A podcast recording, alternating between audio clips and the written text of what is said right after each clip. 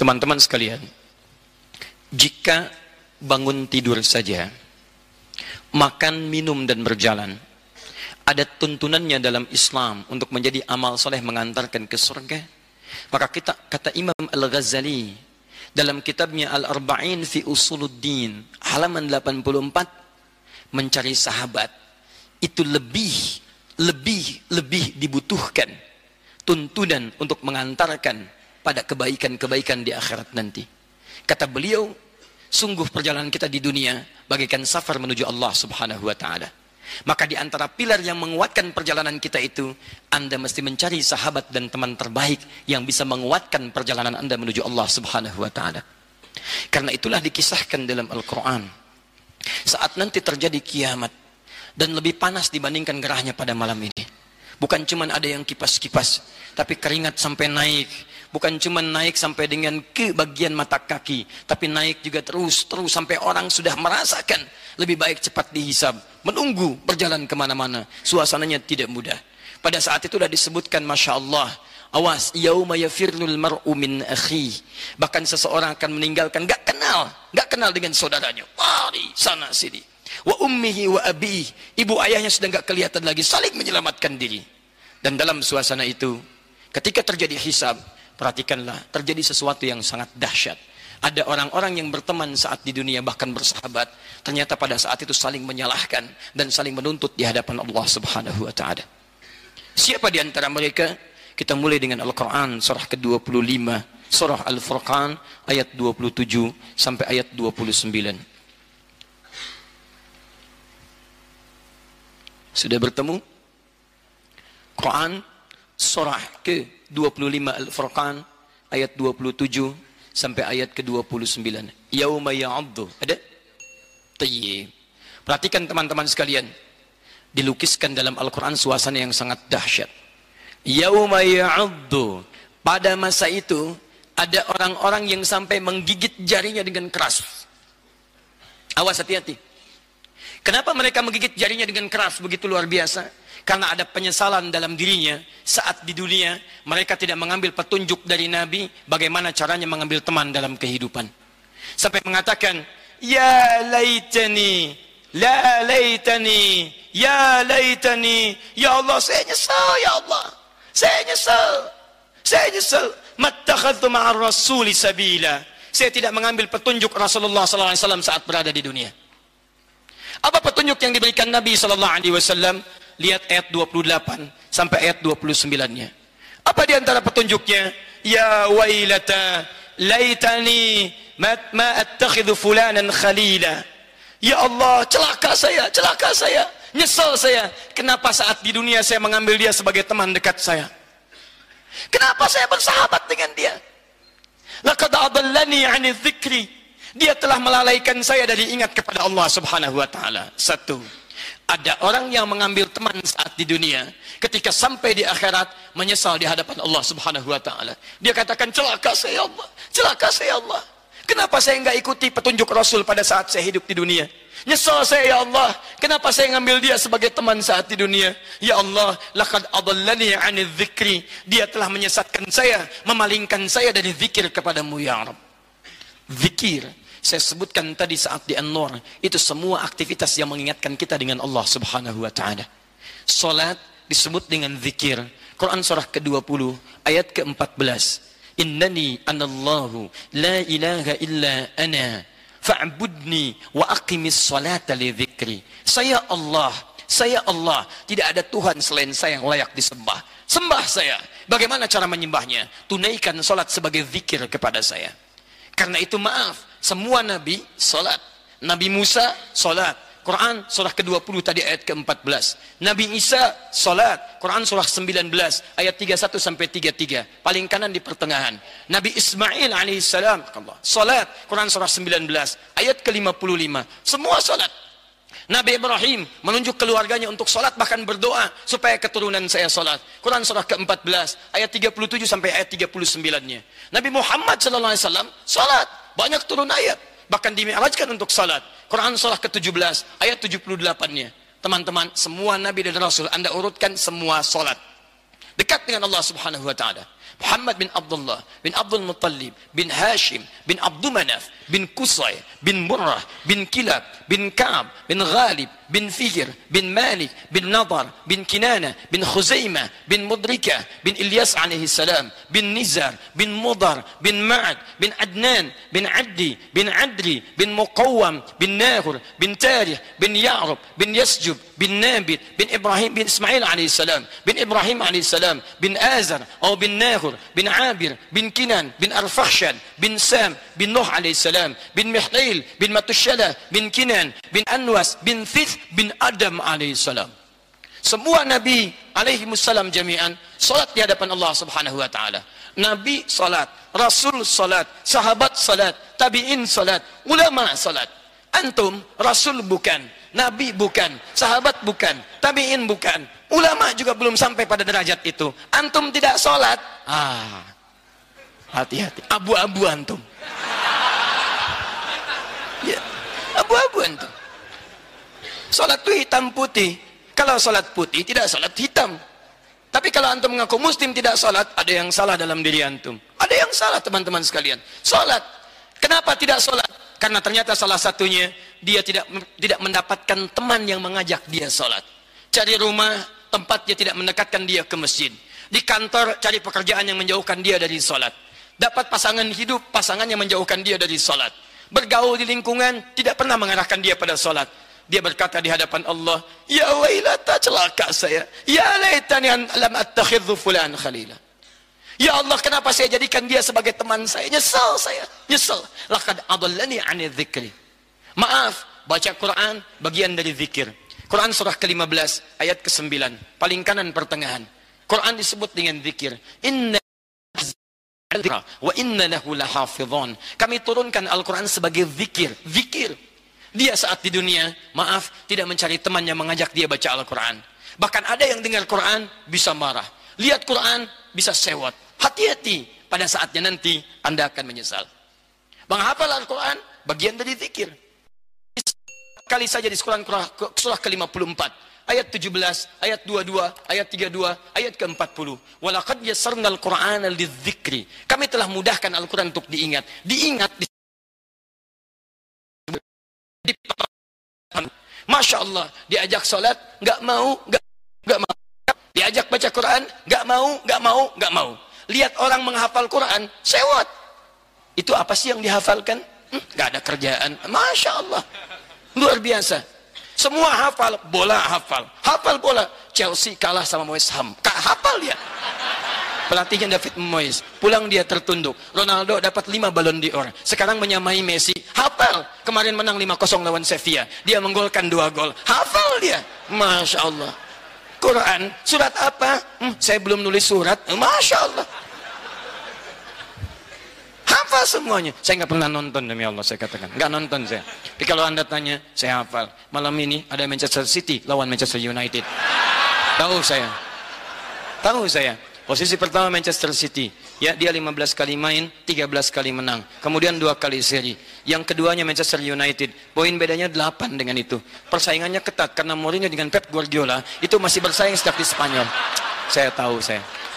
Eh, gak usah tepuk tangan kita di masjid. Takbir. Nah, pada bola aja bisa takbir. Tuh, antum tuh cek.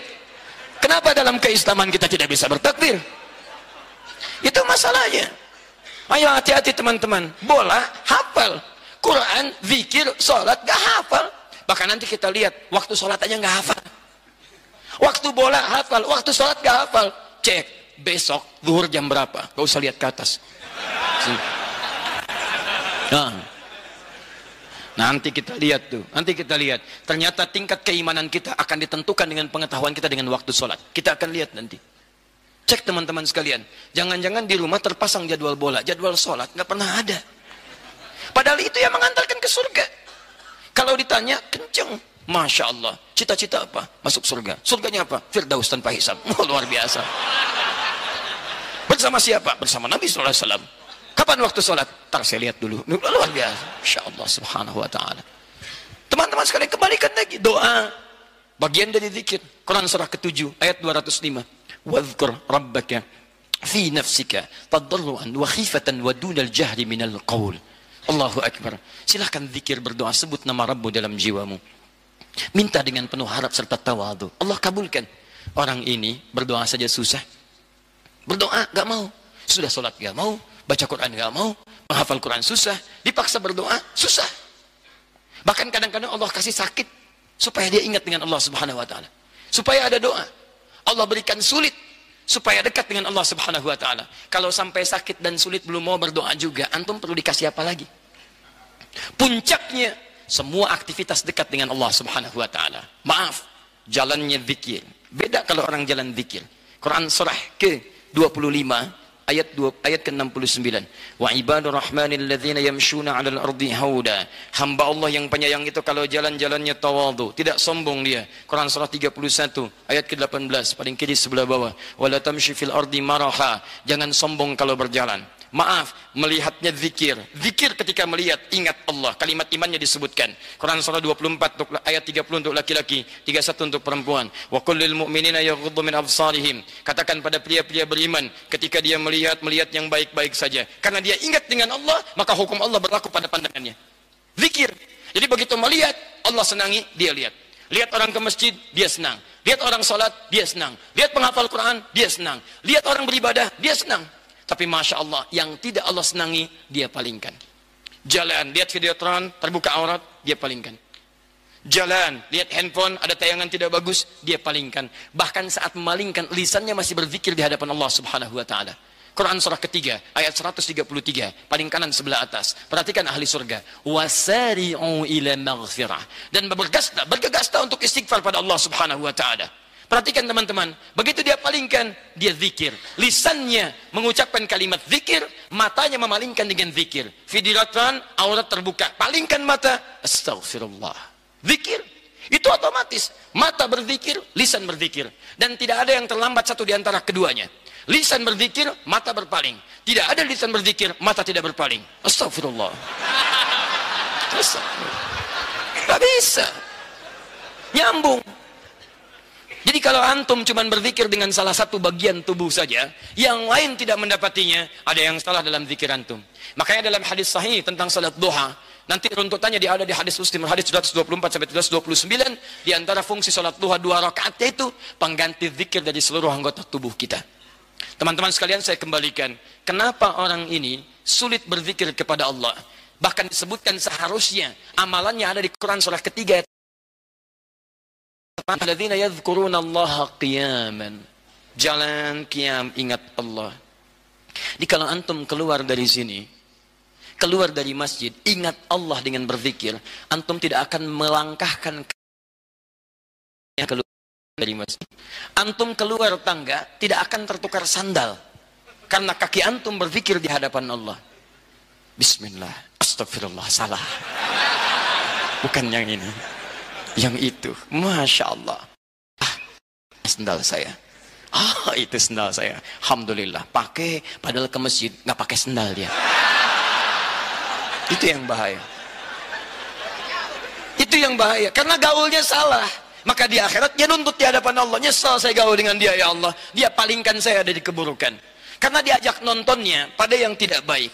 Diajak mendengarnya pada yang tidak baik. Konser di Jakarta yang nyanyi orang Korea datang sampai ke sana. Tiket habis ceramah Masya Allah. Gratis. Ada konsumsinya. Ustaz datang sendiri nulis sendiri ngapus sendiri direkam juga. Nggak mau datang. Luar biasa. Nuntut di hadapan Allah subhanahu wa ta'ala. Dan duduk ingat Allah. Kantor duduk. Depan komputer ingat Allah.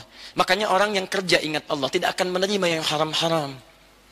Tidak akan mengerjakan maksiat saya sering katakan telunjuk tahiyat tidak akan mengerjakan maksiat. Lisan orang yang bertasbih tidak akan pernah mengerjakan hal-hal yang tidak disukai oleh Allah Subhanahu wa taala. Wa ala junubikum bahkan saat tidurnya pun masih ingat Allah Subhanahu wa taala.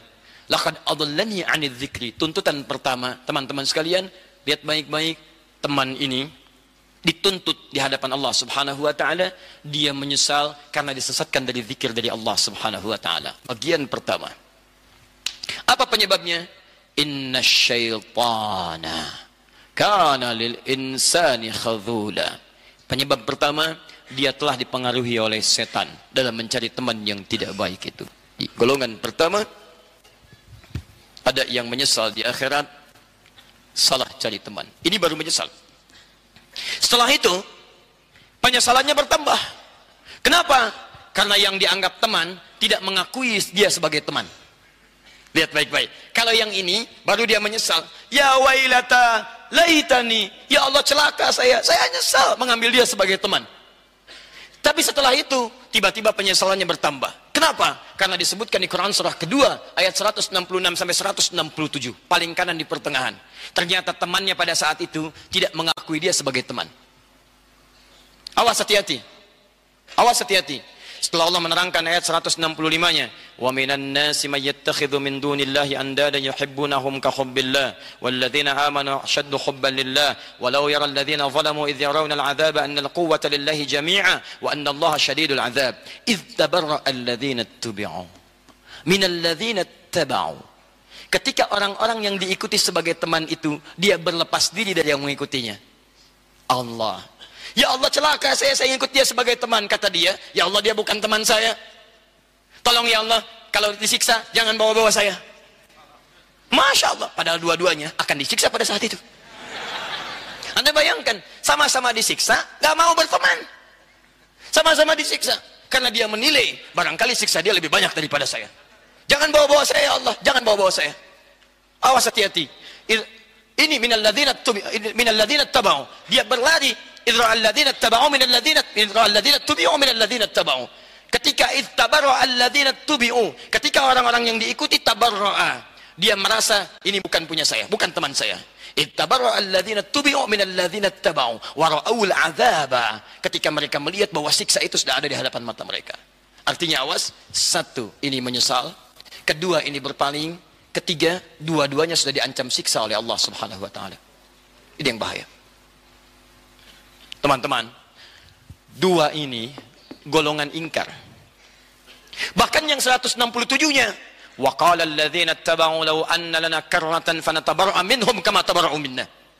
Ya Allah tolong ya Allah, kalau diberi kesempatan balikan lagi saya ke dunia ya Rabb, saya akan berlepas diri dari dia seperti dia sekarang berlepas diri dari saya.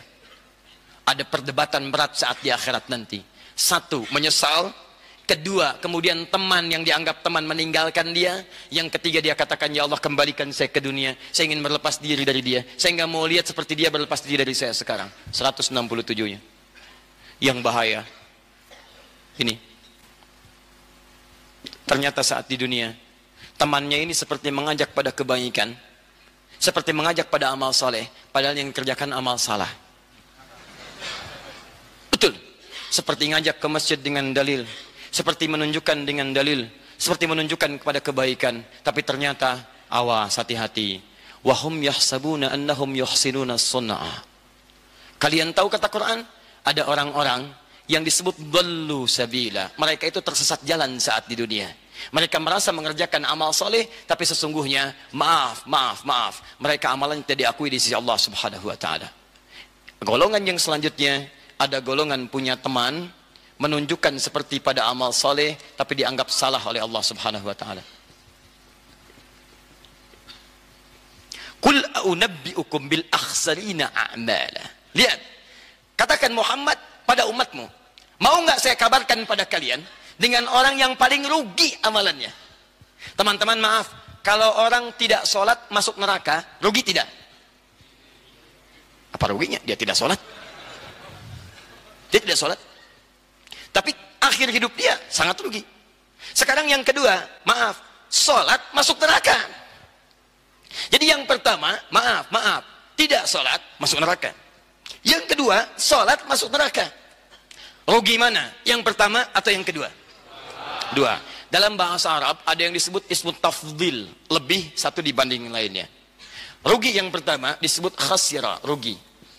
Kalau kita ingin tambahkan lebih rugi, maka tambah hamzah di depannya, akhsar. Kalau orangnya banyak, tambah in atau un di ujungnya. In, un, akhsarin atau akhsarun. Akhsarin, kata Quran, ada orang yang lebih rugi dibandingkan orang rugi saat di dunia. Siapa mereka? Ah, qul a'unabbi'ukum bil akhsarina a'mala alladzina dhalla sa'yuhum fil hayatid dunya wa hum yahsabuna annahum yuhsinuna sun'a. Yaitu orang-orang yang sesat jalan saat hidup di dunia, dia merasa telah mengerjakan amal soleh kebaikan, padahal salah amalnya.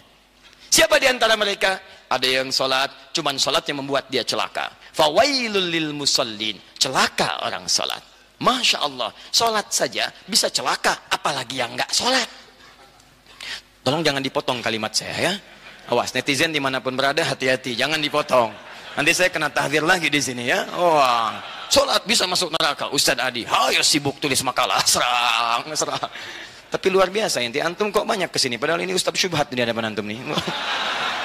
Sudah kena tahdir disebut bahwa syubhat, antum masih mau lihat juga. Luar biasa. Kalau apa yang saya sampaikan membuat syubhat, antum jauh dari Allah, tinggalkan saya. Sudah, cari ustadz lain, itu paling gampang. Yang paling aneh, sudah nonton, diikutin. Terus bilang syubhat lagi. Kalau bilang syubhat ngapain nonton? Nah, balikan ke sini. Fokus, fokus, fokus. Teman-teman sekalian, siapa orang yang celaka salat ini? Bukan semuanya. Alladzina hum an salatihim sahun. Yang lalai dalam salatnya. Alladzina hum yura'un. Yang ria saat dia akan mengerjakannya. Ria. Jadi dia beramal soleh, dikiranya diterima. Ternyata kata Allah, tidak. Lihat baik-baik ya. Awas hati-hati. Hati-hati dengan ria. Imam Az-Zahabi menyebutkan dalam kitabnya Al-Kabair, antum buka halaman ke-10 paling kiri di pertengahan. Beliau menyebutkan di antara syirik itu nanti terbagi dua. Syirik kecilnya disebut dengan ria. Ria itu dihukumi oleh Quran seketika menggugurkan amalan. Satu. Kedua disebut rugi karena tidak menghasilkan pahala. Ketiga diserupakan dengan orang kafir yang tidak mendapatkan hidayah. Quran surah kedua Al-Baqarah ayat 264 paling kiri sebelah bawah. Ya ayyuhalladzina amanu. Hey orang-orang yang telah menyatakan dirinya beriman kepada Allah. La tubtilu sadaqatikum bil manni wal adha. Jangan batalkan semua amal baik yang telah engkau tenun Dengan melakukan perbuatan yang merusak dan mengganggu. Apa contohnya? Kalladhi yunfiqu malahu ria'an nas. Seperti orang infak yang ria. Itu contoh. Jadi kalau orang ria itu Satu, batal langsung amalannya. Bahkan ada orang yang sebelum beramal Sudah batal amalnya ria itu bahaya. Sedang sholat, tiba-tiba ria, batal seketika. Ya, setelah sholat, ria, hilang semua amalannya. Ada yang sebelum dikerjakan amalan, sudah hilang amalannya. Ada. Ini musim umrah nih. Masya Allah mau berangkat. Tidak salah. Antum minta doa. Itu nggak ada masalah, minta maaf. Tapi ingat, awas hati-hati dengan ria. Kumpulkan sekota Malang. Bikin tenda, Masya Allah.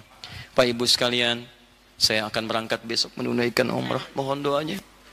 Dan maafkan saya. Ini umrah pertama kami untuk berangkat. Mungkin semalang juga belum ada yang umrah ya. Kami yang pertama umrah. Masya Allah.